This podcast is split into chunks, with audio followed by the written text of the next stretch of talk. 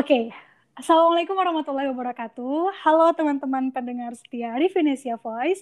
Balik lagi di pod podcastnya di Venesia bareng aku, Anissa. Seperti biasa teman-teman yang bakalan jadi host di podcast kita dan akan mengundang narasumber-narasumber kece yang bakal berbagi uh, seputar tulisannya atau pengalamannya atau apa pun yang teman-teman HI lagi butuhkan saat ini.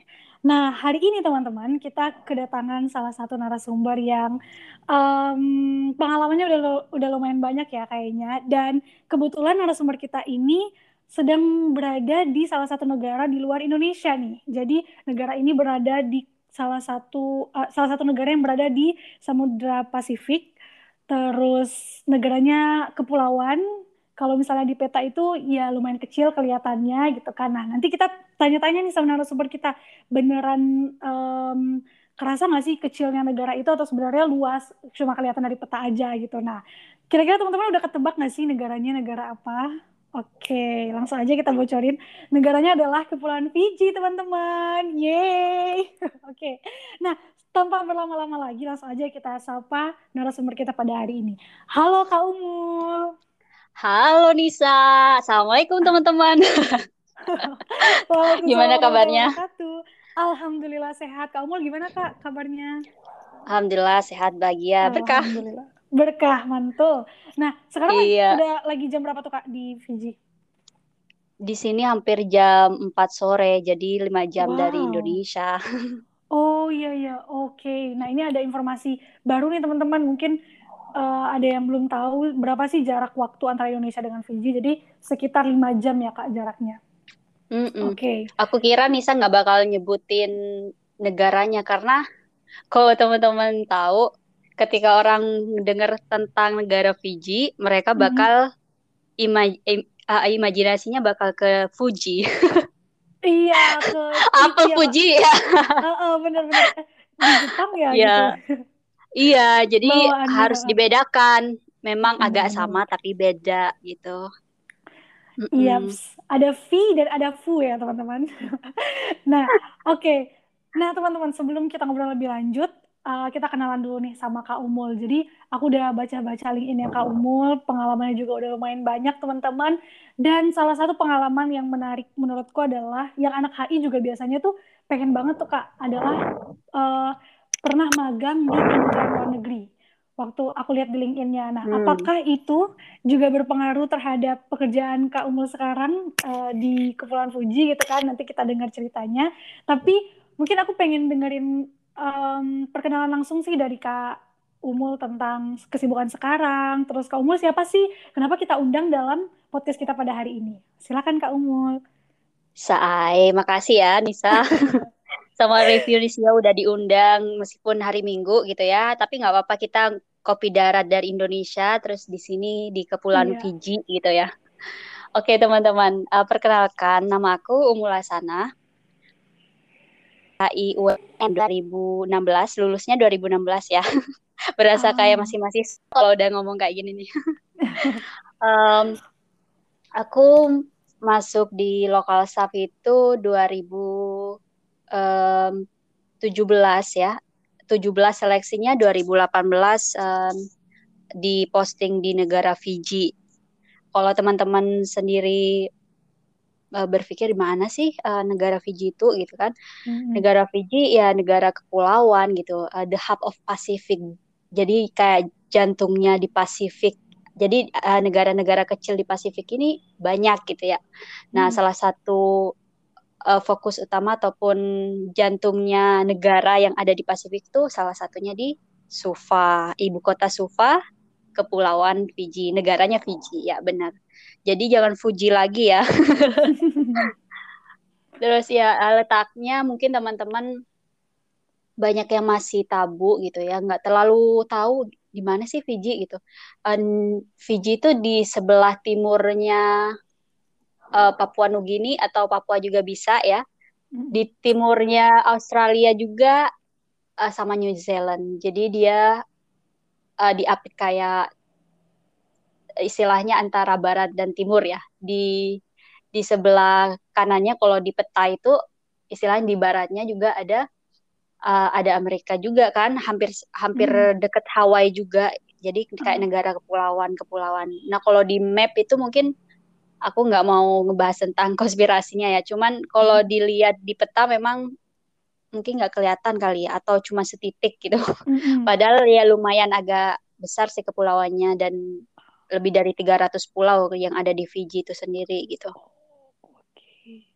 Dan uh. kalau mau mau bahas juga siapa sih aku ya aku cuman manusia biasa sih yang cuman mau sharing materi atau seperti apa gitu. Mungkin teman-teman juga um, ya sharing-sharing ataupun mau nanya-nanya insya Allah bisa lah nanti kapan-kapan gitu gitu jadi okay. selama ini tiga tahun sih di di PG atau Nisa ada yang ditanyakan oke okay. oke okay, berarti Kak Umul ini adalah lokal staff di KBRI-nya Indonesia KBRI di Fiji gitu ya Kak di Suva Iya di Suva ibu kotanya hmm. ibu kota Fiji sendiri adalah Suva hmm. Oke, okay, dan udah menjadi lokal staff sejak tahun 2018. Benar, 2018. Oke. Okay. Di lokal staff itu ini kita spill dikit aja Kak. Nanti mungkin bakal pertanyaannya bakal lebih banyak waktu diisi. Cuman Boleh. Uh, iya, di uh, lokal staffnya membidangi bagian apa tuh Kak? Pertama ya, aku di sini 2018 Mei. Aku masih ingat banget itu uh, perjalanan Jakarta, Jakarta, Bali, Bali, Sydney, Sydney, Nandi, Nandi, Sufa. wow, Nandi itu di banyak. Ya, so sorry. Um, Nandi itu kayak semacam airport airport uh, internasionalnya di Fiji. Oh. Semacam uh, domestiknya gitu. Oh, Tapi oh. antara Sufa sama Nandi cuma 30 menit kalau pakai ya nggak nyampe lah mungkin sekitar segituan. Um, perjalanan ini ya Fiji Fiji Air karena hmm. pesawatnya di sini Fiji Fiji Fiji Air gitu. Oh. Uh, terus um, ya udah 2018 kemudian ditempatin di staf ekonomi. Kemudian hmm. setelah itu ya 2019 baru aku pindah lagi tuh. Bukan pindah sih, jadi kayak ngerangkap uh, jabatan istilahnya diamanahin kebetulan jadi sekretaris untuk duta besarnya yang ada di Fiji. Jadi nyambi-nyambi sih. Jadi kalau umpamanya udah selesai pekerjaan di sekretaris, ya banyak sih banyak hal yang juga dibantu. Jadi kadang bantu di ekonomi juga gitu meskipun nggak fully charge kayak satu tahun pertama di Fiji gitu sampai sekarang gitu. Wow teman-teman udah kebayang dong kerennya Kak Umul. Aku aja dengarnya kayak wow jadi uh, jobnya lumayan ini ya kak, lumayan padat, lumayan sibuk. Terus jadi sekretaris mm -hmm. dubes juga. Oh my god, siapa sih anak KI yang nggak mau sedekat itu sama dubes ya nggak sih? Nah mungkin kita bisa kulik-kulik pengalamannya Kak Umul nanti di um, pembahasan yang lebih lanjut ya guys. Nah tapi sebelum itu Kak Umul, menariknya adalah tadi Kak Umul sempat cerita soal Fiji ya kan. Nah teman-teman, mungkin beberapa dari kita juga masih uh, belum banyak tahu nih Kak soal Fiji kalau misalnya Kak Umul bisa ceritain nggak Kak? Fiji itu negaranya kayak gimana sih? Terus bahasanya gimana? Orang-orangnya gimana? Gitu. Biar kita kebayang vibes-nya di Fiji itu kayak gimana sih? Gitu. Silakan okay. Kak. Karena udah Nisa kemarin diajak jalan-jalan virtual tuh. Iya. ya hampir sama ya kayak um, aku mau kalau mau dideskripsikan sama Indonesia mungkin Fiji itu kayak hmm. Bali sebenarnya. Dan kalau dari segi geopolitiknya Fiji kayak Singapura. Jadi dia oh. pusat dari tra transit semua negara entah itu New Zealand, Australia, Amerika dan banyak aktor-aktor um, Hollywood yang sering holiday di sini gitu. Jadi kayak liburan hmm. di sini tuh biasa udah orang-orang luar gitu. Jadi kayak semacam hmm. memang apa ya istilahnya kayak negara tersantuy kalau mau aku negara yang memang gimana ya kalau negara kepulauan banyak pariwisata di sini karena memang 50% hmm. lebih pendapatannya memang dari pariwisata gitu. Hmm. Jadi so far so Pantainya good sih uh, ya, berada di Fiji. Uh, itu pasti, itu pasti. Ada aku juga uh, pernah di ke kepulauan di Fiji itu um, namanya Kasui, mungkin teman-teman bisa di searching nanti. Itu ngelewatin pulau lagi gitu. Jadi kayak ada pulau dari Nandi, portnya itu di Nandi, terus kita hmm. nyebrang kayak ke pulau-pulau yang lainnya gitu. Jadi kayak di bibir pantainya itu kita lihat ikan-ikan ya kayak lucu-lucu gitu. Oh my god. Pasirnya juga ya kayak uh -uh. semacam di Raja Ampat kali ya. gitu. Oh, Uh, wow. Raja Ampatnya kayak kan soalnya dia juga serpihan dari dulunya kan juga serpihan vulkano atau gimana ya kalau nggak salah. Jadi kayak semacam Hmm. masih nyambung lah sebenarnya dengan Indonesia gitu. Dan Hmm. orang-orang sama seperti Indonesia gitu, kayak orang-orang timur gitu. Kulitnya coklat juga gitu, gimbal rambutnya, terus em, santuy kalau menurut aku. Kalau udah Indonesia santuy, warm, dia lebih di- lebih santuy lagi gitu. Jadi kalau umpamanya kita mau Hmm. lewat Hmm. ataupun ada orang di depannya kita bilang kere ke ah, kita bilang cilo gitu. Cilo dalam artian permisi ya gitu. Oh. Terus Cilo ada gitu. juga iya benar, bukan cilok ya. Nanti cilok Tabaka lagi. beda makna ya.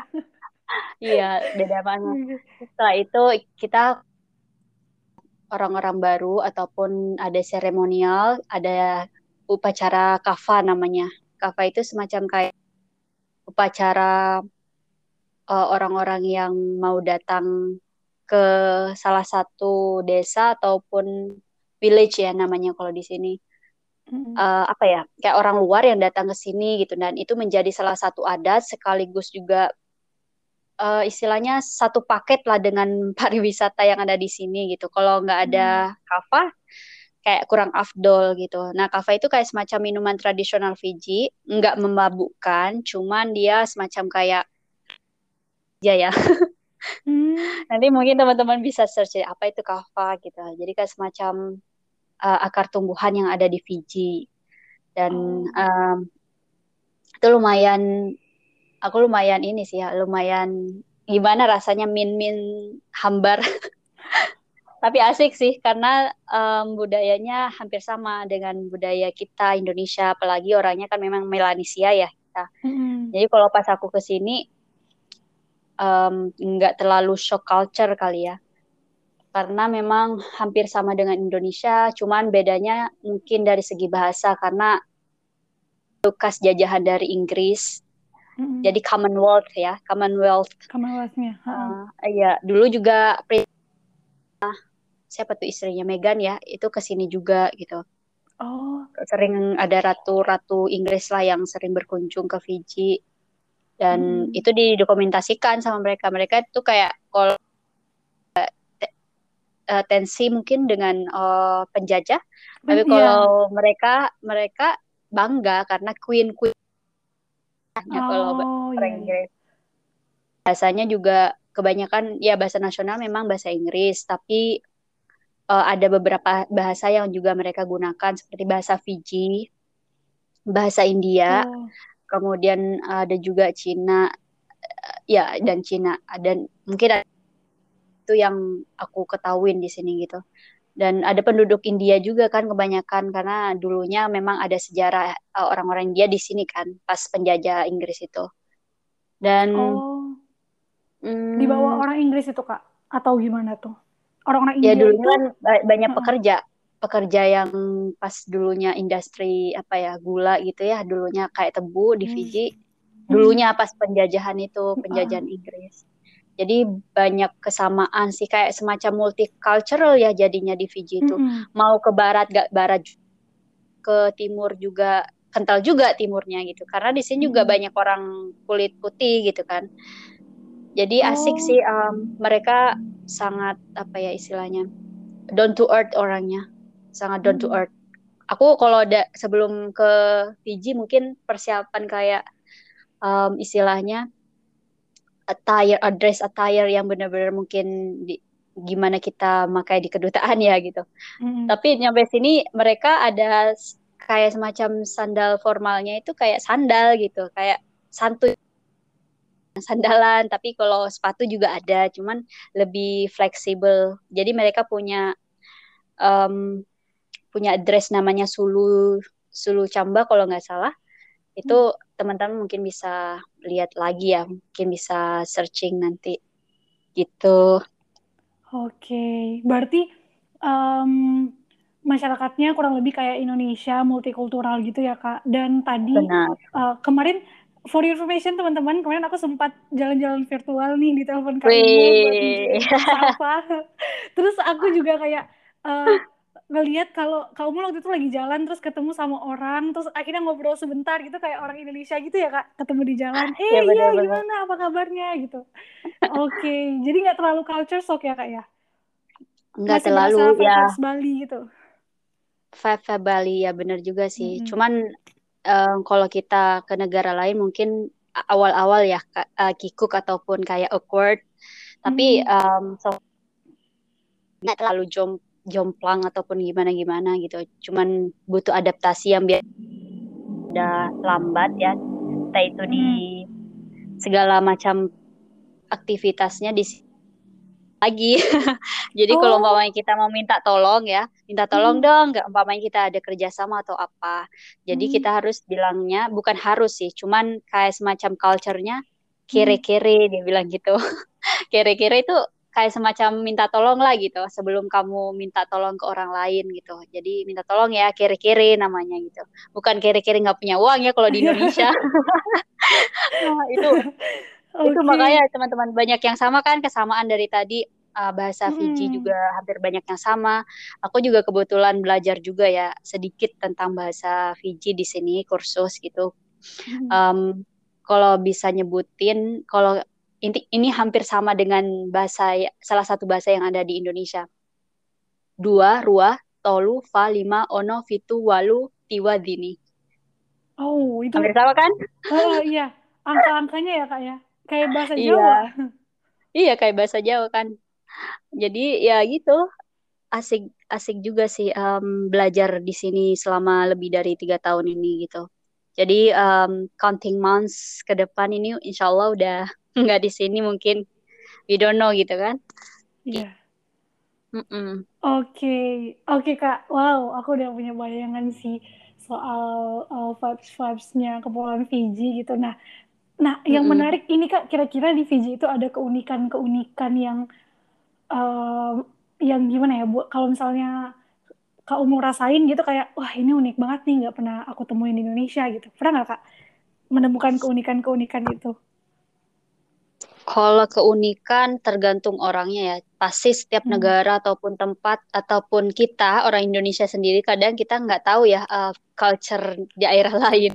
Dan itu hmm. juga kalau menurut aku unik. Apalagi aku suka banget dengan traveling, hmm. jalan-jalan hmm. ataupun yang lainnya gitu.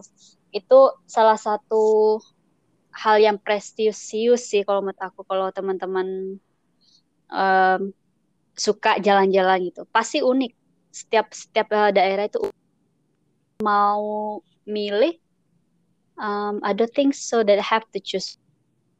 My favorite things in Fiji um, mungkin dari segi ini kali ya dari segi alam. Karena aku suka banget dengan alam. Hmm, aku masih belum juga ke Raja Ampat. Insya Allah mungkin satu saat nanti cuma lihat dari secara virtual hmm. aja itu hmm. hampir sama dengan Fiji juga. Jadi kayak istilahnya tanda eh, tanda-tanda alam tuh kayak semacam dekat dengan kalau hmm. tamanya ada pelangi itu umpamanya berapa menit terus di tempat lain ada pelangi lagi gitu. Kalau umpamanya kayak ikan-ikan tuh di sini masih banyak apalagi during pandemi ya. Di sini baru ada tuh uh, bulan puasa kemarin which is sekitar enam bulanan yang lalu ya. Dan bulan ini Fiji udah free dalam artian sudah vaksinasi fully vaksinasi um, baik itu wow. dosis satu dan kedua dan makanya kita udah semuanya udah mulai beroperasi lagi tapi tetap hmm. kayak menjaga kesehatan protokoler dan lain-lain dan juga memakai masker itu wajib di sini gitu. Oh oke. Okay.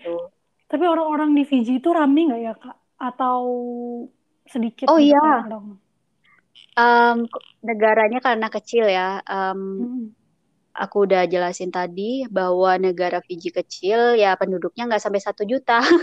Oh. mungkin kalau di kayak di daerah apa ya satu daerah mungkin ya kalau di di Indonesia kan Indonesia. udah ya. Di iya, sini nggak nyampe satu juta gitu. Jadi oh. banyak ekspatriat yang juga ke Fiji, banyak orang-orang luar juga baik itu dari New Zealand, uh, Australia ya kebanyakan. Uh, kemudian Eropa juga banyak karena Fiji ini nggak bisa dia kalau nggak dibantu sama negara lain gitu. Jadi negaranya itu berbentuk kayak istilah dari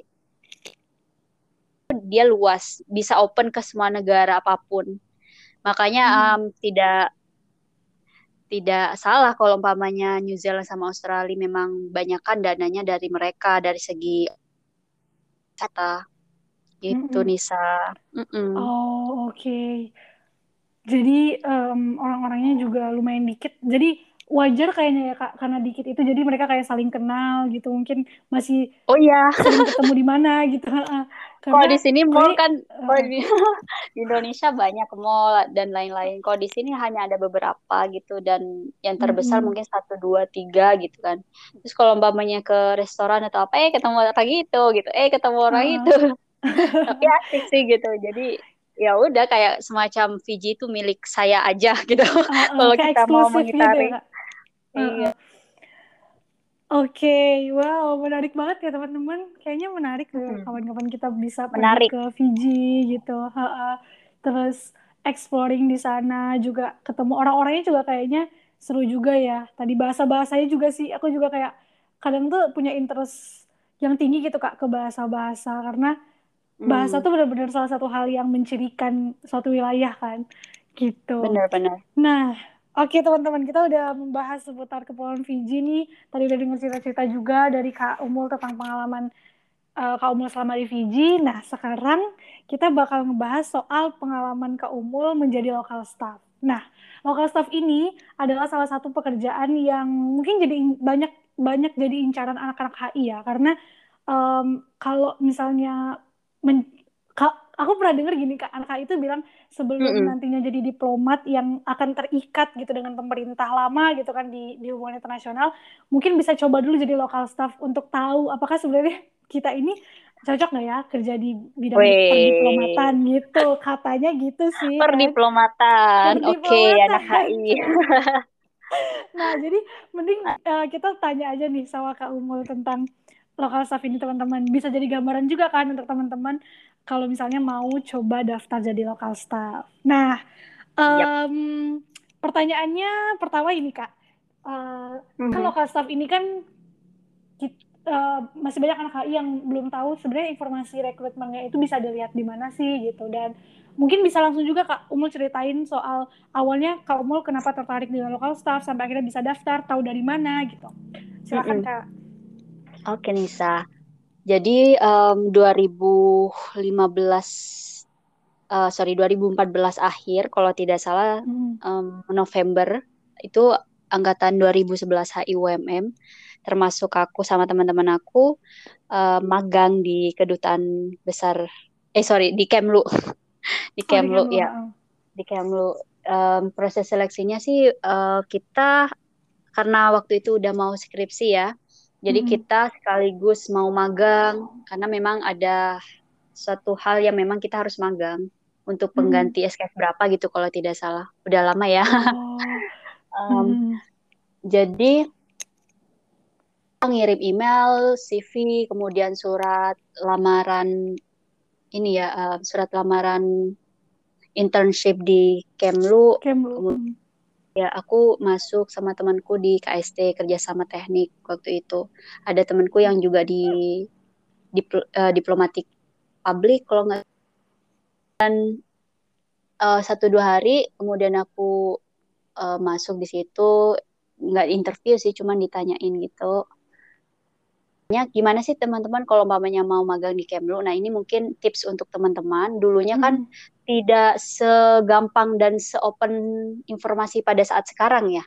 Semuanya hmm. teman-teman udah pada pada tahu gitu gimana caranya untuk apply di sana. Kebanyakan kita um, rajin-rajin ini sih apa kayak cari strategi. Anak HI kan harus berstrategi nih. Nggak bisa iya, pintu bener. A bisa pintu B ya nggak sih? Iya, Jadi bener, itu benar-benar kita terap punya support system teman-teman yang memang satu frekuensi itu dibutuhkan teman-teman gitu. Hmm. Dan sebelum kuliah kita memang ada target target tertentu gitu. Um, kalau aku pribadi gimana sih caranya untuk organisasi prestasi sama um, organisasi prestasi sama apa istilahnya sama nilai ataupun hmm. uh, nilai itu bagus semuanya gitu. Meskipun juga harus ada salah satu yang kita korbankan kadang tapi why not? Kita nggak apa ya istilahnya? Kita maksimal aja deh gitu.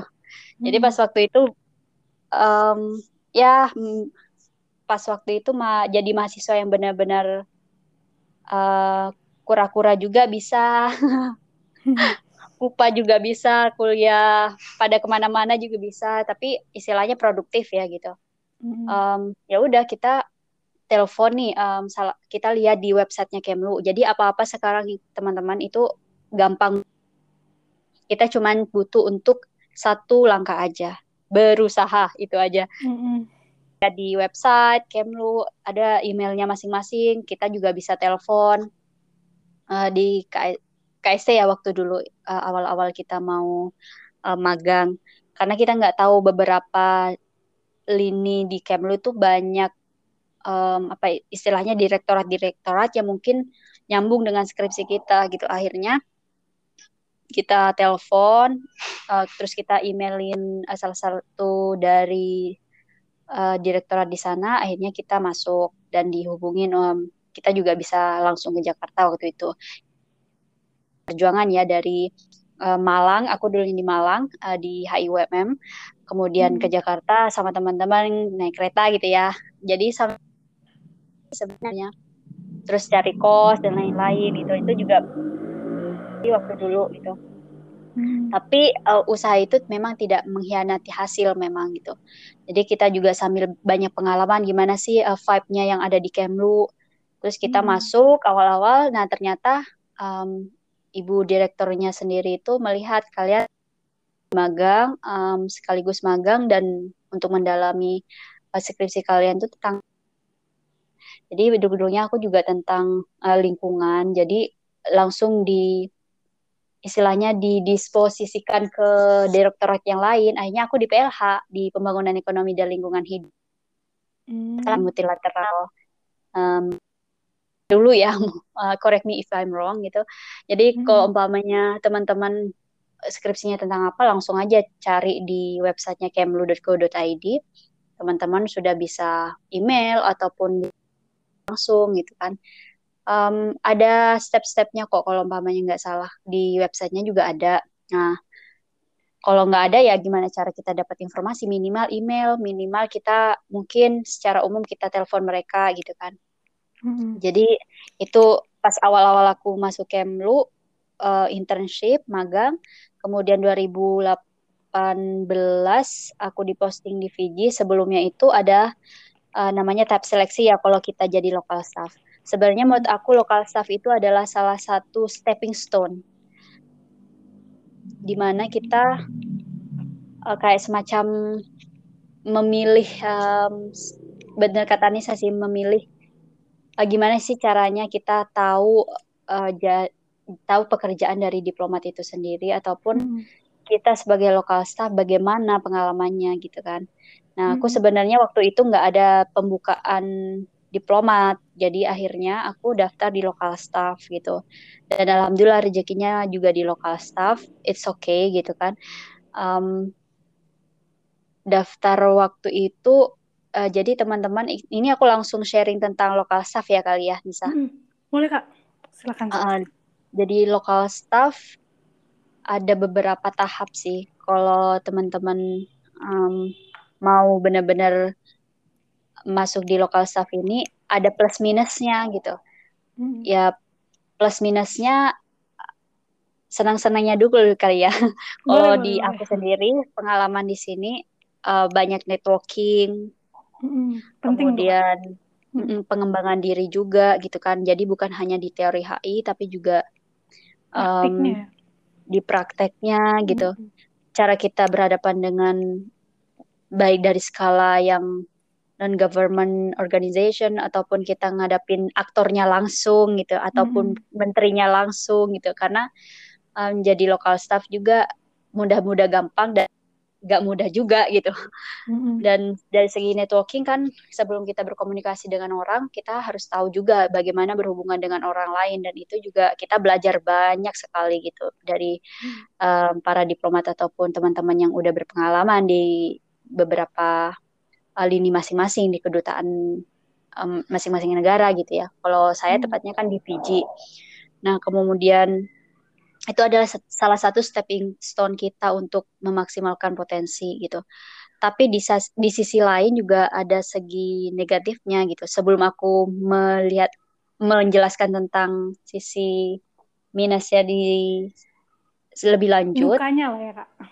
Uh, Suka aku duka. pengen ini aja menekankan pada teman-teman um, sebelum memilih lokal staff up uh, benar-benar mikir apakah lokal staff ini adalah salah satu keyakinan kalian untuk belajar um, apakah salah satu tujuan kalian menjadi lokal staff ini gitu? Jadi itu dipertimbangkan benar-benar karena tantangannya lebih banyak nantinya gitu karena ini beda dengan kalian belajar di luar negeri. Kalian mengabdi sebagai lokal staff um, representatif dari negara Indonesia di di luar gitu kan. Hmm. jauh dari orang tua kemudian harus um, ya kalian jauh dari orang tua dan harus bekerja etos kerja tinggi gitu.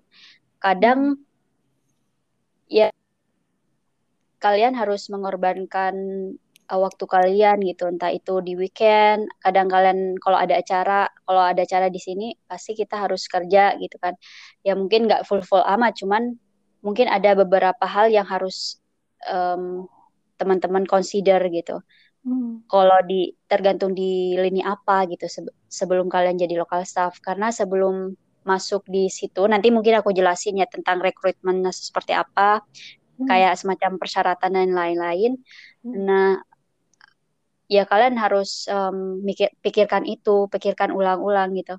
Karena kalau umpamanya udah di negeri orang itu kan nggak mungkin dong harus balik gitu kan ke negaranya.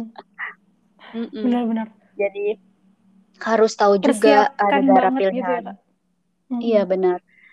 Se uh, jadi di juga kalian harus tahu standar hidupnya di negara masing-masing perwakilan itu seperti apa gitu. Jadi hmm. biar kalian punya arrangement ataupun planning gitu apakah kalian mampu atau tidak gitu um, hmm. the only one who knows you ya kamu sendiri gitu it's you gitu kemudian um, kadang ter, kalau di local staff ini kita um, antar comfort zone sama enak enggaknya itu tergantung kalian. Kalau kalian terjebak dengan rutinitas yang benar-benar apa istilahnya stagnan, ya mungkin hmm. lokal staff memang salah satu minusnya juga tidak ada jenjang karir um, seperti oh. PNS atau diplomat. Hmm. Um, ada lokal staff, tapi setiap dua tahun mungkin ada peningkatan beberapa persen dari gaji yang kalian um, dapatkan okay. nanti. Cuman itu ter, ya itu tergantung de dengan kebijakan yang ada di perwakilan masing-masing gitu. Um, itu sih tantangan dan peluangnya. Jadi kalau umpamanya jadi lokal staff juga bukan berarti kalian nggak bisa mengeksplor skill hard skill ataupun soft skill kalian tergantung dari cara berpikir kalian gitu. Kalau aku jujur dua tahun terakhir mungkin itu pengalaman yang sangat-sangat berat buat aku. Um, kemudian ya salah satunya ya memang kita di Kementerian Luar Negeri juga um, banyak hal yang pengalaman mungkin di ada trainingnya di Kemlu, cuman di perwakilan memang ya um, dari segi kerjaannya itu beda gitu. Ya hampir sama mungkin ya administratif. Kalau kalian ditempatkan di administratif, kalau di politik mungkin beda lagi. Tapi kalau di konsuler lain lagi gitu ya. Kalian kalau umpamanya ada di ya mau gak mau kalau pesawatnya jam jam 9 10 malam ataupun pesawat paginya balik ke Indonesia pagi ya kalian harus siap siaga gitu. Hmm. Jadi itu salah satu minus dan kalau kelebihannya banyak sih yang aku udah jelaskan tadi di awal-awal hmm. kalian banyak banget pengalaman gitu. Jangan sampai pengalaman pengalaman yang baik itu menutupi um, kekurangan yang ada sebagai lokal staff gitu meskipun tidak ada jenjang karir seperti PNS gitu itu hmm. mungkin salah satu considerable yang bisa teman-teman pikirkan sebelum why have to choose local staff gitu. Yeah. begitu. Wow. Kak kalau aku boleh nanya dikit nih kak. Kalau dari yang kakak rasain bedanya lokal jadi lokal staff sama diplomat itu apa ya kak? Uh, itu tadi yang aku jelasin. Um, tidak ada jenjang karir yang yang sama dengan dengan lokal uh, dengan diplomat ataupun PNS gitu. Hmm. Kalau umpamanya diplomat kan dia ada hak-hak khusus ya, seperti mungkin dari segi biaya dan lain-lain. Kalaupun ada keluarga juga sebagian dibayarin. Kalau aku lokal staff awal-awal aku harus persiapkan pesawat pesawatnya itu aku yang bayar sendiri baik itu kalau aku datang atau pergi tapi alhamdulillah baiknya dibantu juga dengan BPKRT perwakilan. Ya tergantung kita negosiasi lagi mana gitu kan. Mungkin hmm. beberapa di kita juga potong gaji uh, ataupun yang lainnya gitu untuk mengcover biaya awal-awal ya. Tapi setelah dua bulan itu alhamdulillah aku bisa memumpungi tapi kalau umpamanya juga kita nggak bisa manage keuangan ataupun manajemen kita ditempatkan di perwakilan mana pun nggak bisa gitu. Makanya aku riset dulu nih negara yang aku tunjukin. Nah nanti mungkin akan nyambung nih Nisa kamu mungkin bisa nanya-nanya tentang tahapan ujiannya seperti apa. Nah hmm. itu nyambung juga nanti dengan persyaratan sebelum kalian apply um, menjadi lokal staff di Kemlu gitu. Hmm. Oke, okay. oke okay, kak. Nah bisa langsung dibagi aja kak di share kira-kira persyaratannya apa, terus tahapan-tahapannya gimana? Mm -mm. Jadi kalau menurut aku ini udah 2017 yang lalu ya, berapa hmm. tahun tuh 17? Empat, lima tahun. yang lalu, ya empat tahun yang lalu. Jadi lumayan harus ini lagi ya memori aku harus ingat-ingat lagi. Ingat-ingat. Yang mm, benar. Kalau menurut aku ada beberapa tahap. Yang pertama itu um, aku masih ingat itu sekitar 2017 ya kalau nggak salah itu itu periode kedua. Nah, jadi lokal staff itu ada pendaftarannya setiap tahun nih ada pendaftaran gelombang pertama sama gelombang kedua. Nah, hmm. yang gelombang kedua ini aku alhamdulillah masuk gitu di di bulan Agustus 2017 kalau nggak salah gitu. Nah persyaratannya okay. apa aja sih gitu kan? Um, Kak, aku potong sebentar, sorry. Informasi tahu kalau ada pembukaan lokal staff itu dari mana ya kak? Oh iya, aku kan dulunya magang. Jadi aku oh, uh, tahu kalau lokal staff itu ada gitu dan salah satu kakak senior kita tuh udah banyak ternyata yang lolos gitu. Um, dan teman aku juga lolos. Oh, ternyata enak ya kita nggak jadi PNS karena kalau umpamanya kayak kita tuh kan ideal ya kadang ya gimana caranya kita dapat pengalaman banyak, uh, cuannya oke. Okay. Terus soft skill kita di uh, meningkat gitu gimana caranya nah salah satunya aku milih ini gitu karena waktu itu hmm. diplomat uh, untuk untuk slot uh, jadi diplomat masih belum dibuka gitu ya gitulah istilahnya hmm. okay. um, tadi pertanyaannya um, gimana sih uh, cara daftarnya teman-teman bisa lihat di websitenya Kemlu atau uh, teman-teman langsung bisa email email dari Kemlunya itu di SDM kalau nggak salah Oh. Jadi recheck hmm. lagi kenapa aku bilang berkali-kali uh, kalau nggak salah karena di kebijakan lokal staff ini komut aku tiap tahun seleksinya dan lain-lain tuh agak ada yang berbeda gitu. Jadi makin ketat dulunya aku banyak banget tahapan gitu. Jadi bolak-balik Jawa Timur sama Jakarta itu lumayan ya mungkin ya. Jadi pertama lumayan. tahapannya hmm. itu mm -mm, lumayan. Jadi ada pengetahuan umum nih. Ada ujian pengetahuan umum um, bahasa. Nah, dulunya pengetahuan umum ya teman-teman tahu sendiri ya. Bisa baca di websitenya Kemlu tentang isu-isu terkini ataupun isu-isu yang lagi hangat nih gitu. Ataupun hmm. sejarah-sejarah tentang ASEAN, kemudian um, tentang PBB ataupun dari headline yang ada di websitenya Kemlu ini udah meranah ke tips-tipsnya ya cara untuk kita tahu di ujiannya.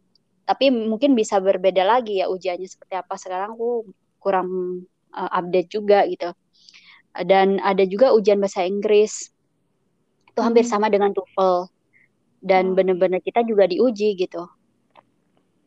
Begitupun dengan um, kalau umpamanya teman-teman punya hmm, bahasa lain hmm. itu bisa diujikan lagi gitu menjadi nilai plus lah tapi benar-benar tahu ya kalau aku dulunya hmm. masih belum pede meskipun ada beberapa bahasa yang aku tahu dikit gitu tapi aku nggak pede hmm. takut gimana gimana ya jadinya ntar oh ini orang um, di aplikasi di form formulirnya ditulis bisa gitu di bahasa ini ini. Tapi kok hmm. nggak standar gitu kan. Jadi aku agak oh ya udahlah pakai bahasa Inggris gitu. Jadi bahasa Inggris sama uh, satu doang. Tapi ada teman yang lain mungkin selain ujian bahasa Inggris dia lain gitu. Hampir sama sih uh, ujiannya tuh dengan TOEFL. Kalau teman-teman um, belajar sendiri insya Allah bisa lah gitu insya Allah uh, gampang-gampang sulit. Dan ada beberapa esai juga yang harus ditranslate baik itu Indonesia ke uh, Inggris ataupun Inggris ke Indonesia. Um, itu yang kedua ada ujian praktek komputer atau IT uh, sama lah ya dengan ujian komputer gitu. Mm. kayak menulis cepat ataupun um, bukan soal-soal bagaimana uh, komputer itu ditemukan atau bagaimana, tapi uh, lebih ke ada yang praktis ya, ada yang praktis, hmm. ada juga yang komputer itu sendiri itu kayak menul apa mengetik cepat. Dan untuk ujian setelah itu ada ujian tulis psikometrik, um, wawancara dengan psikolog dan wawancara dengan Kemlu ataupun KBRI setempat dan itu hampir sama ya. Ya um, seleksinya. Hampir sama hmm. sih 11 12 cuman ya kalau diplomat mungkin lebih susah ya um, seleksinya. Kalau di lokal staff ya lebih kepada yang standar umum. Tapi dia juga benar-benar diuji gitu. Dan baru kalau udah lolos di semuanya yang aku sebutin tadi baru kita di email sama Kemlu untuk uh, tahap wawancara selanjutnya. Jadi sebenarnya yang aku jelasin tadi itu banyak um, jarak waktu teman-teman harus sabar sabar. Untuk menunggu dan sabar untuk um, menunggu informasi hasil dari Kemlu apakah lolos atau enggaknya gitu. Ya plus minus hmm. lah kalau umpamanya teman-teman daftar di Kemlu ini gitu. Karena dari ujian seleksi administrasi pertama sebelum Y yang aku sebut tadi itu ada ada uh, seleksi administrasi. Kalau adik kelasku kalau nggak salah dia juga penempatan udah kemarin. Ternyata karena pandem pandemi, jadi teman-teman bisa kirim email. Jadi itu oh. itu salah satu apa ya kelebihan dari keuntungan adanya pandemi ini ya. Iya, keuntungan hmm. dari ada pandemi gitu, Nisa. Dan okay. banyak hmm. hal ya yang teman-teman mungkin nggak bisa semuanya aku jelasin di sini gitu. Ada yang ditanyakan hmm. lagi nggak, Nisa? Iya, Kak Uh, aku kepo di di staf seleksinya itu ada nggak ya Kak spesifik uh, seleksi yang mempertanyakan soal tempat kita di posting nanti. Nah, juga mungkin pertanyaan sebelumnya adalah uh, waktu pembukaan lokal staff itu apakah kita langsung daftar itu kita udah tahu kita ditempatkan di mana atau nanti yang menempatkan itu adalah Kemlunya gitu Kak? Hmm. Yap, pertanyaannya bagus sekali. Aku mau jelasin itu tadi, nggak kelupaan aku awal-awal kita harus benar-benar fokus bagaimana uh, lolos di seleksi pertama dulu ya administrasi. Mm-hmm. Kan mungkin aku juga jelasin tadi ya kayak semacam KTP, SIM A, paspor, uh, kemudian surat lamaran kerja ke Kemlu ya sebagai lokal staff, kemudian surat bahasa juga kalau teman-teman ada TOEFL ataupun hal lainnya atau kursus apa pun masukin aja yang bahasa itu bahasa apa pun kalian bisa satuin di lamaran itu hmm. uh, kemudian banyak kok sekarang teman-teman yang uh, memberikan informasi persyaratan gimana sih uh, untuk apply pertama kali di Kemlu sebagai lokal staff gitu. Hmm. Um, kalau pertanyaan Nisa, apakah kita tahu di negara mana gitu ya? Kalau Hmm. aku pas awal-awal masih belum karena kalau teman-teman di administrasi lolos itu nggak bakal Hmm. lolos selanjutnya karena makin ketat. Aku nggak tahu ya uh, tahun beberapa tahun terakhir ini itu mas sudah seketat itu gitu dan seleksinya benar-benar apa ya istilahnya me istilahnya benar-benar panjang Hmm. dan banyak waktu itu benar sekali sama usaha dan banyak hal lah dari segi finansial juga gitu tapi namanya kita mau mau apa yang kita mau gitu kan ya Hmm. udah kita keep going aja gitu ya udah akhirnya setelah lulus administrasi, administrasi baru teman-teman ke tahap selanjutnya um, ketika sudah lolos admi- administrasi kalau lolos umum itu ujian pengetahuan umum bahasa, bahasa ataupun bahasa lain kalaupun lolos alhamdulillah gitu tapi kalau umpamanya ulang lagi nih dari gitu um, peraturannya Oh. jadi Hmm. harus benar-benar itu dari administrasi atau Iya. administrasi kak? Dari administrasi. dari iya Oh. kalau tapi kalau kekeh ya insya Allah lolos lah kalau umpamanya benar-benar mendalami gimana cara lolosnya gitu kan Hmm. dan setelah itu walaupun udah selesai ujian praktek ujian komputer atau IT kalau lolos baru ke tahap selanjutnya kalau nggak lolos awal lagi nanti Itu masih belum tahu dari awal kita penempatan Belum. di mana? Oh, belum baru oke. nanti setelah ujian tulis psikometrik wawancara kalau lolos pun alhamdulillah kalau nggak lolos harus lagi uh, ngulang lagi dari awal baru Hmm. nanti kalau udah lolos wawan- wawancara nih wawancara sama uh, sorry di ujian yang ketiga ya ujian setelah ujian tulis psikometrik uh, dan wawancara sama psikolog baru kita di saat itu kita udah suruh milih negara apa yang bakal kita mau ataupun Oh. negara yang disediakan waktu itu karena nggak semua KBRI atau KJRI itu membuka lowo- Membuka, lowongan untuk lokal staff gitu. Jadi pas waktu itu banyak banget ya negaranya gitu. Tapi setiap negara nih saya itu ada beberapa uh, lokal staff yang tidak hanya di politik tapi juga di ekonomi, administrasi, uh, di- ada di protokoler juga, protkons Mm-mm. gitu ya, protokol konsuler. Nah, kebetulan waktu itu aku juga agak ini ya, agak lihat uh, lihat-lihat juga karena negara-negara yang aku mau kayaknya nggak ada, tapi di bagian di bagian itunya, di bagian apa itu Bidang- yang aku lihat gitu. Akhirnya ada bidang Hmm. ekonomi tuh. Eh sorry politik kalau kalau nggak salah. Nah politik adanya cuman ya, ya negara yang aku lumayan ya di New Delhi. Jadi aku milih Delhi. Nah setelah Oh. wawancara setelah milih itu kan ada wawancara dengan uh, Kementerian Kemlunya. Tadi kan udah Mm-mm. ada psik- psik- psikometrik sama dengan psikolog. Mm-mm. Waktu itu aku ingat banget di Gatot Subroto. Setelah itu dengan Kemlu. Kalau udah lolos, baru nanti dikabarin lagi kalau umpamanya kita akan diwawancarain dengan negara yang udah kita pilih. Aku tadi di New Delhi.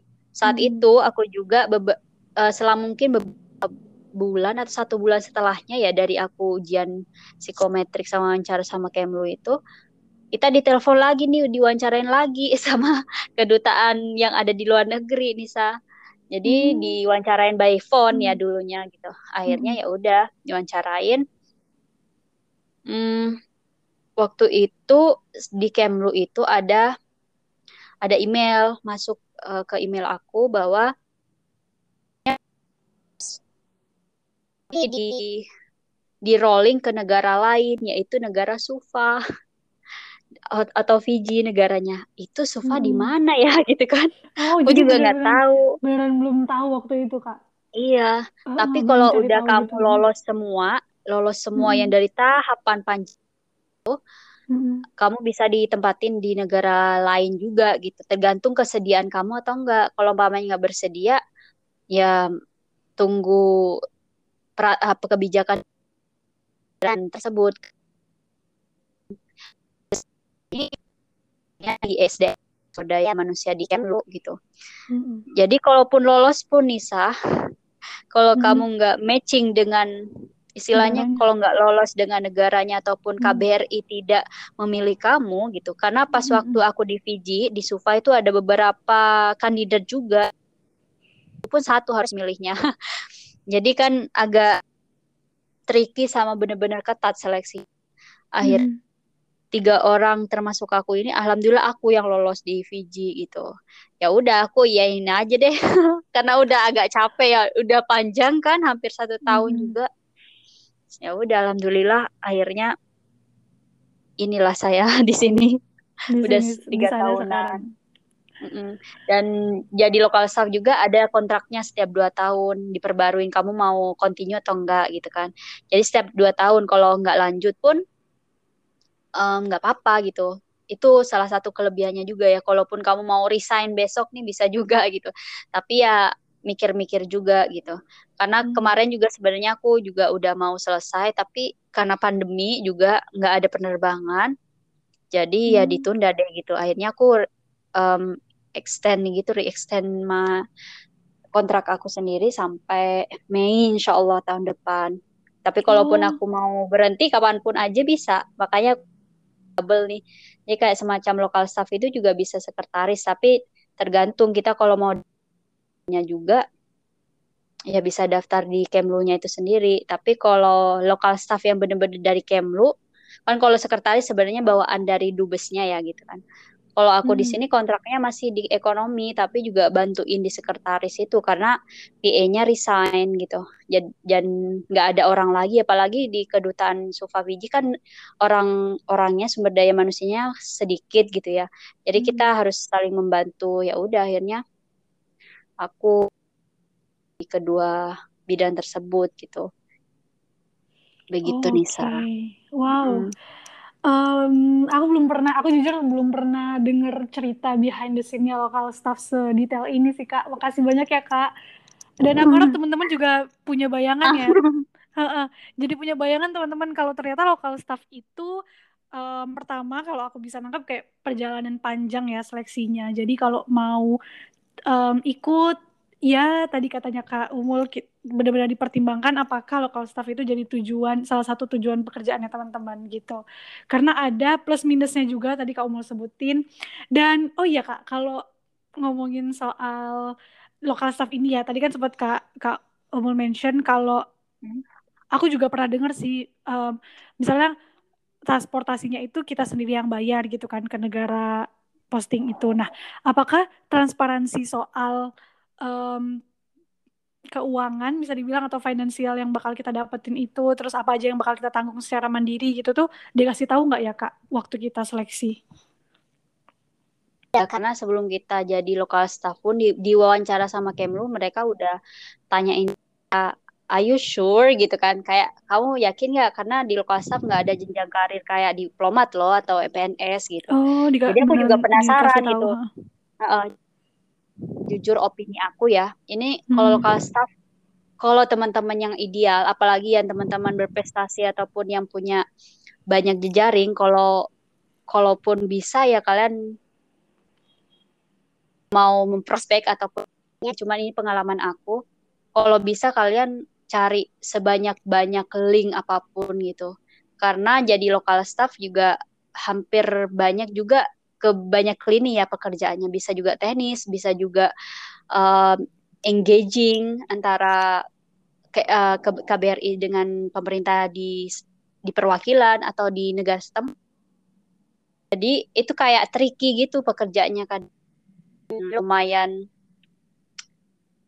kalau KBRI-nya nggak banyak lokal staff, kita lumayan bener-bener harus all out gitu, stand out dan all out gitu Hmm. untuk bekerja. Itu makanya aku mention tadi etos kerjanya tuh tinggi gitu. Dan kalau umpamanya aku kasih saran, teman-teman um, difikirkan ulang gitu. Kalau umpamanya benar-benar um, sanggup untuk di negara lain, di posting negara lain, uh, kayak living cost-nya dan lain-lain, teman-teman harus kalkulasi lagi gitu. Meskipun aku juga ada um, di sini aku dapat gaji USD ya, um, istilahnya lumayan wow. lah gitu untuk um, ya banyak kan teman-teman memang tergiur di situ gitu. Tapi jangan sampai itu menjadi comfort zone teman-teman yang akhirnya meninggalkan kemampuan-kemampuan emas kalian gitu ya kalau menurut hmm. aku kalian nggak apa-apa daftar di lokal staff tapi istilahnya what's the next plan gitu. Jangan hanya terpaku dengan satu satu jalan di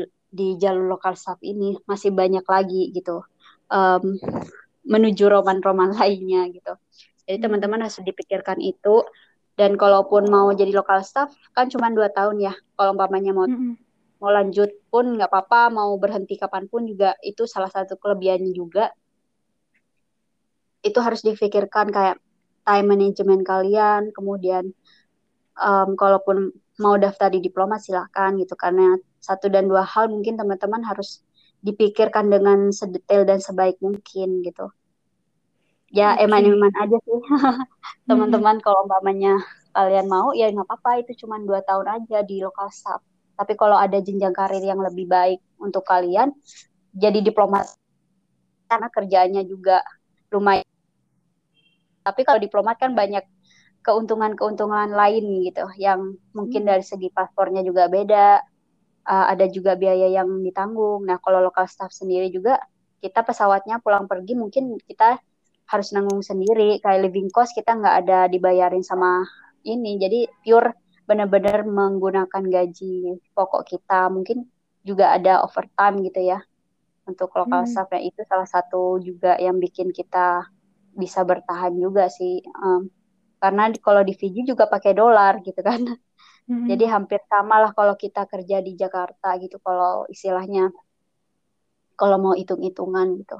Tapi kalau umpamanya kayak di Dubai ya itu kan living cost-nya atau gaya hidupnya tuh tinggi juga. Jadi tinggi, harus atur benar-benar tinggi gitu gimana caranya dipikirkan teman-teman itu karena aku bilang tadi kita maunya di negara A, B, ataupun kita di memilih di bidang ekonomi, protokol konsul, konsul tersebut ataupun di di politik umpamanya gitu. Itu kita harus pertimbangkan juga gitu. Harus banyak nanya lah kok. Mau ngerasain dua di diplomat itu lebih bagus gitu. -hmm. Seperti itu. Jadi maksimalkan okay. kesempatan. Oke, okay. wow, nggak kerasa teman-teman udah satu jam lebih kayaknya kurang lebih udah satu jam kita ngobrol sama Kak Umul dan oh iya tadi kan Kak Umul bilang juga sebelum kita memutuskan itu bisa kita tanya-tanya dulu sama orang yang berpengalaman. Nah berarti teman-teman para pendengar ini boleh ya Kak kalau misalnya mau nanya-nanya sama Kak Umul seputar local staff? Insya Allah siap. Apa pun. Oke, nanyanya lewat mana untuk, tuh Kak? Untuk sharing bisa. Kalau mau nanya bisa lewat IG aku atau email kali ya atau juga okay. bisa melalui Revenisia kali ya. ya Jadi bener, kalau Revenisia bisa di tag juga nggak apa-apa sih. Um, uh -uh. Silahkan aja. Iya benar banget teman-teman. Jadi kalau misalnya teman-teman dari uh, percakapan ini ada muncul banyak pertanyaan, terus pengen lebih detail jawabannya, teman-teman bisa DM IG at Refinisia underscore, terus teman-teman uh, perkenalkan diri, terus kabarin kalau misalnya abis dengerin podcast nya ngobrol bareng Kak Umul, terus apa pertanyaan yang mau disampaikan, silahkan dituliskan. Nah, nanti akan kita coba teruskan ke Kak Umul dan jawab via DM gitu ya Kak, kurang lebih. Insya Allah siap. Oke, okay. nah teman-teman udah uh, lumayan banyak banget ilmu yang kita dapetin dari pengalamannya Kak Umul. Makasih banyak Kak Umul, detail banget penjelasannya. Aku jadi punya gambaran yang uh, lumayan jelas ya yang awalnya abu-abu gitu soal lokal staff, soal kepulauan Fiji gitu. Sekarang uh, sudah banyak tercerahkan. Makasih banyak Kak Umul. No worries, you're most welcome. Oke okay, teman-teman, nah berhubung kita udah uh, ber berada di penghujung podcast teman-teman, nggak kerasa ya ternyata obrolannya udah cukup panjang. Mungkin terakhir aku mau tanya sama Kak Umul tentang tips yep. aja sih untuk teman-teman para pendengar uh, tips dari Kak Umul, terserah tips apa aja untuk anak HI juga khususnya mungkin terutama untuk anak HI yang baru lulus atau baru akan mau lulus gitu kak. Karena kan biasanya hmm. bingung nih aduh habis lulus apa ya next step yang harus aku jajaki gitu sebagai lulusan HI nah mungkin kamu bisa kasih tips-tips ke teman-teman HI silakan kak. Menjadi um, salah satu anak dari HI itu salah satu kelebihan buat buat kita gitu. Karena so, kalian bisa melihat semua kacamata dunia gitu. Istilahnya hmm. kalian bisa menguasai dunia dengan teori HI kalian. Tapi di samping lain juga kalian harus tahu bahwa kalian punya plan. Memang uh, salah satu kelebihan di HI adalah kalian bisa mendalami apa pun, tapi kalian jangan hanya fokus di satu masih banyak hmm. tantangan gitu. Karena kebanyakan kalau kita membicarakan tentang karir itu pasti hmm. butuh hal effort yang banyak ya untuk mau fokus di mana sih apa-apa gitu. Kan dulunya hmm. aku pun juga bingung dulunya. Jadi kalau bisa teman-teman coba aja gitu. Sekarang itu banyak sekali um, istilahnya lowongan-lowongan pekerjaan kalau memang kalian uh, ingin mendapatkan pengalamannya lebih gitu. Apalagi teman-teman yang mungkin masih kurang pengalamannya uh, sewaktu kalian jadi mahasiswa kalian coba hmm. aja. Jadi jangan sampai kalian terjebak dengan titik skripsi terus kalian juga nggak tahu harus ngapa-ngapain. Jadi nyambi kalian skripsi kalian juga melihat um, apa ya istilahnya peluang-peluang uh, yang ada di luar. Apalagi sekarang pandemi semuanya serba online. Kalian hmm. bisa dilihat di LinkedIn kalian bisa lihat di United Nation ya itu uh, banyak banget lowongan di sana gitu. Malahan ada temanku yang di sini di Fiji juga dia um, punya sorry um, apply di UN tapi nggak keterima dulunya. Tapi mereka bisa ngedetek CV kalian.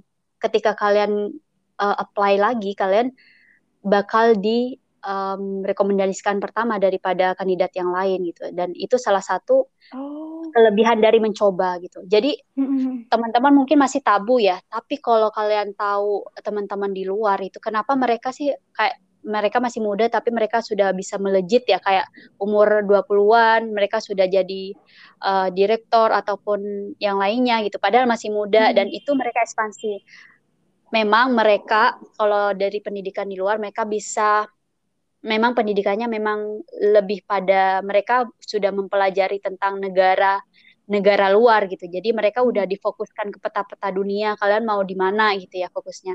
Kalau kita masih hmm. kadang kan di domestik baru kita kalau keluar udah bisa tahu lebih banyak pengalaman gitu. -hmm. Kalau bisa teman-teman memaksimalkan itu. Terus yang kedua ya don't give up gitu. Kalau umpamanya kalian pengen sesuatu ini mungkin selama ini aku bicara kayak gini mungkin bisa juga refleksi buat aku sendiri ya teman-teman gitu. Hmm. Jadi jangan nunggu untuk perfect baru kalian bertindak gitu. Tapi kalian hmm. dengan satu aja langkah mencoba ataupun kalian uh, get up dari comfort zone kalian, oke okay lah tidur nggak apa-apa gitu kan. Um, emang enak tidur gitu kan. Tapi gimana cara satu hari aja gitu dalam satu minggu kalian punya punya apa istilahnya energi yang benar-benar fokus untuk kalian mau apa goal kalian mau cari informasi apa kalau umpamanya hmm. kalian mau kerja di NGO ataupun di lokal staff ataupun jadi diplomat ataupun kalian mau jadi CEO bagi bisnis kalian banyak kesempatan untuk anak HI karena apa hmm. karena kalian sudah menggenggam pengetahuan dunia gitu hmm. tinggal aksinya apa tinggal kalian mau mendalami apa. Kalau kalian juga mau jadi dosen, silahkan gitu. Kalian harus belajar dengan dengan baik gitu, dengan tekun gitu. Ada kalanya kalian memang harus fokus di mungkin mendalami satu hal di bidang perhaian itu juga lebih bagus lagi ketika kalian sudah keluar gitu. Jadi what's next gitu. Memang kita melihat hari sekarang tapi apa nih yang bakal kita benar-benar mau untuk ke depannya gitu. Karena kan HI banyak kan bingung ya anak-anak ya. Kalau aku insya Allah hmm, dengan podcast podcast review Nisia, aku insya Allah bisa membantu kalian. Istilahnya jadi fasilitator ataupun apalah kebingungan kalian. Jadi jangan sampai apa yang aku bingungin dulu dan aku tunda dulu menjadi hmm. kebingungan kalian pada saat sekarang. Insya Allah kalau masih aku bisa berbagi, aku bakal um, membantu teman-teman uh, bingung apa gitu. Dan aku pun sebenarnya juga bingung mau daftar di PNS atau enggak nih di diplomatnya gitu. Tapi ada hmm. beberapa planningnya lain kita harus memplan gitu. Gak bisa um, di list di A, ya mencoba yang B gitu. Hmm. Jadi jangan sampai kita stuck di satu tempat kita nggak bergerak. Kalau anak HI nggak bergerak, secanggih apa kemampuan otak kalian ataupun kemampuan soft skill kalian juga, itu nggak bakal bisa melampaui hal-hal yang lain karena dunia semakin bergerak. Begitu pun pengetahuan sosial lainnya ataupun pengetahuan umum lainnya gitu. Itu sih komentar aku Nisa. Wow. Maaf ya panjang. aku berasa mulanya panjang. kakak sendiri gitu kak. kayak benar-benar oh. kayak berasa oke okay, disadarkan udah saatnya bergerak gitu ya udah ya, udah banyak menghabiskan waktu di tempat tidur berleha-leha aku juga suka sih tidur. Jangan salah. Tapi ketika aku bangun aku tahu oh mm. Tuhan udah memberikan aku nafas gitu.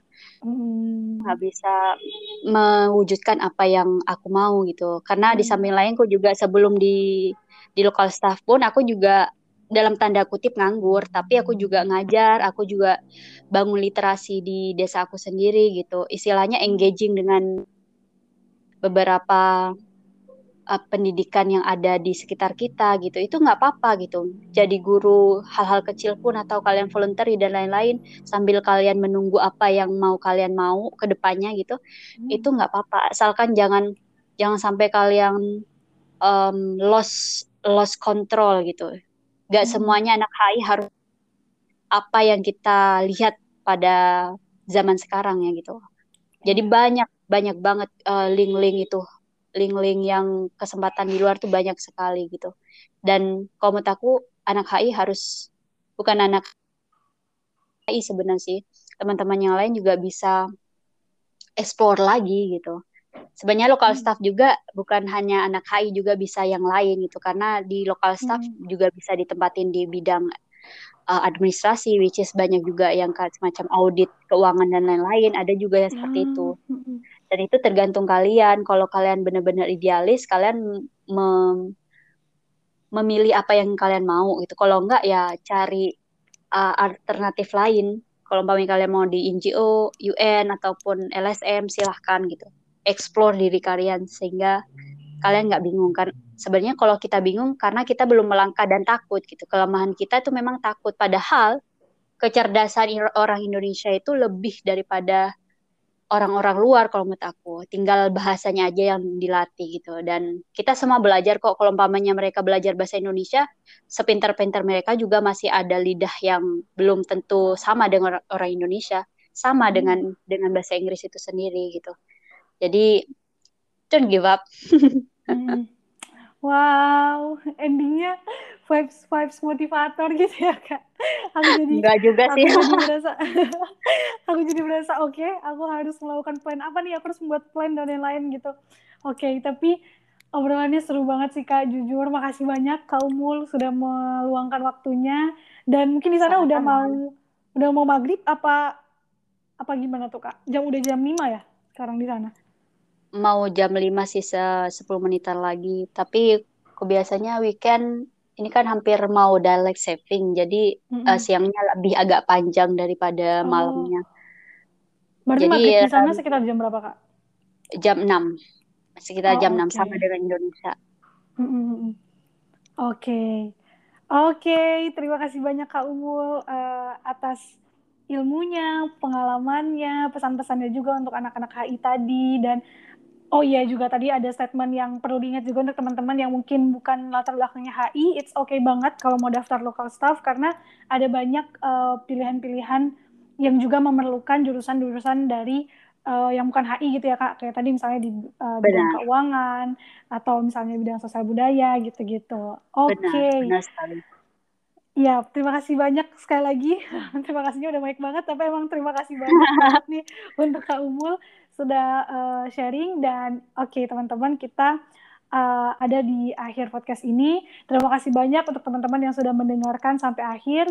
Dan semoga teman-teman dapat uh, banyak manfaat, dapat banyak insight dari sharing sharing-sharing bareng Kak Umul hari ini. Dan kalau misalnya teman-teman uh, merasa ini bermanfaat, jangan lupa untuk di-share ke teman-teman yang lain, bagikan informasinya karena uh, bisa aja nih dari kalian share informasi ini kalian bisa nemuin teman-teman yang ternyata punya satu impian pengen uh, jadi lokal staff juga. Jadi kan kalian punya teman untuk sama-sama berjuang kan, jadi nggak berasa sendirian gitu. Oke, okay. nah teman-teman, uh, terima kasih banyak sudah mendengarkan podcast ini. Saya selaku tim Revenesia, mewakili tim Revenesia undur diri. Um, Mohon maaf kalau misalnya masih banyak kekurangannya. Semoga kita bisa bertemu di podcast selanjutnya. Sampai jumpa. Okay. Assalamualaikum warahmatullahi wabarakatuh. Waalaikumsalam.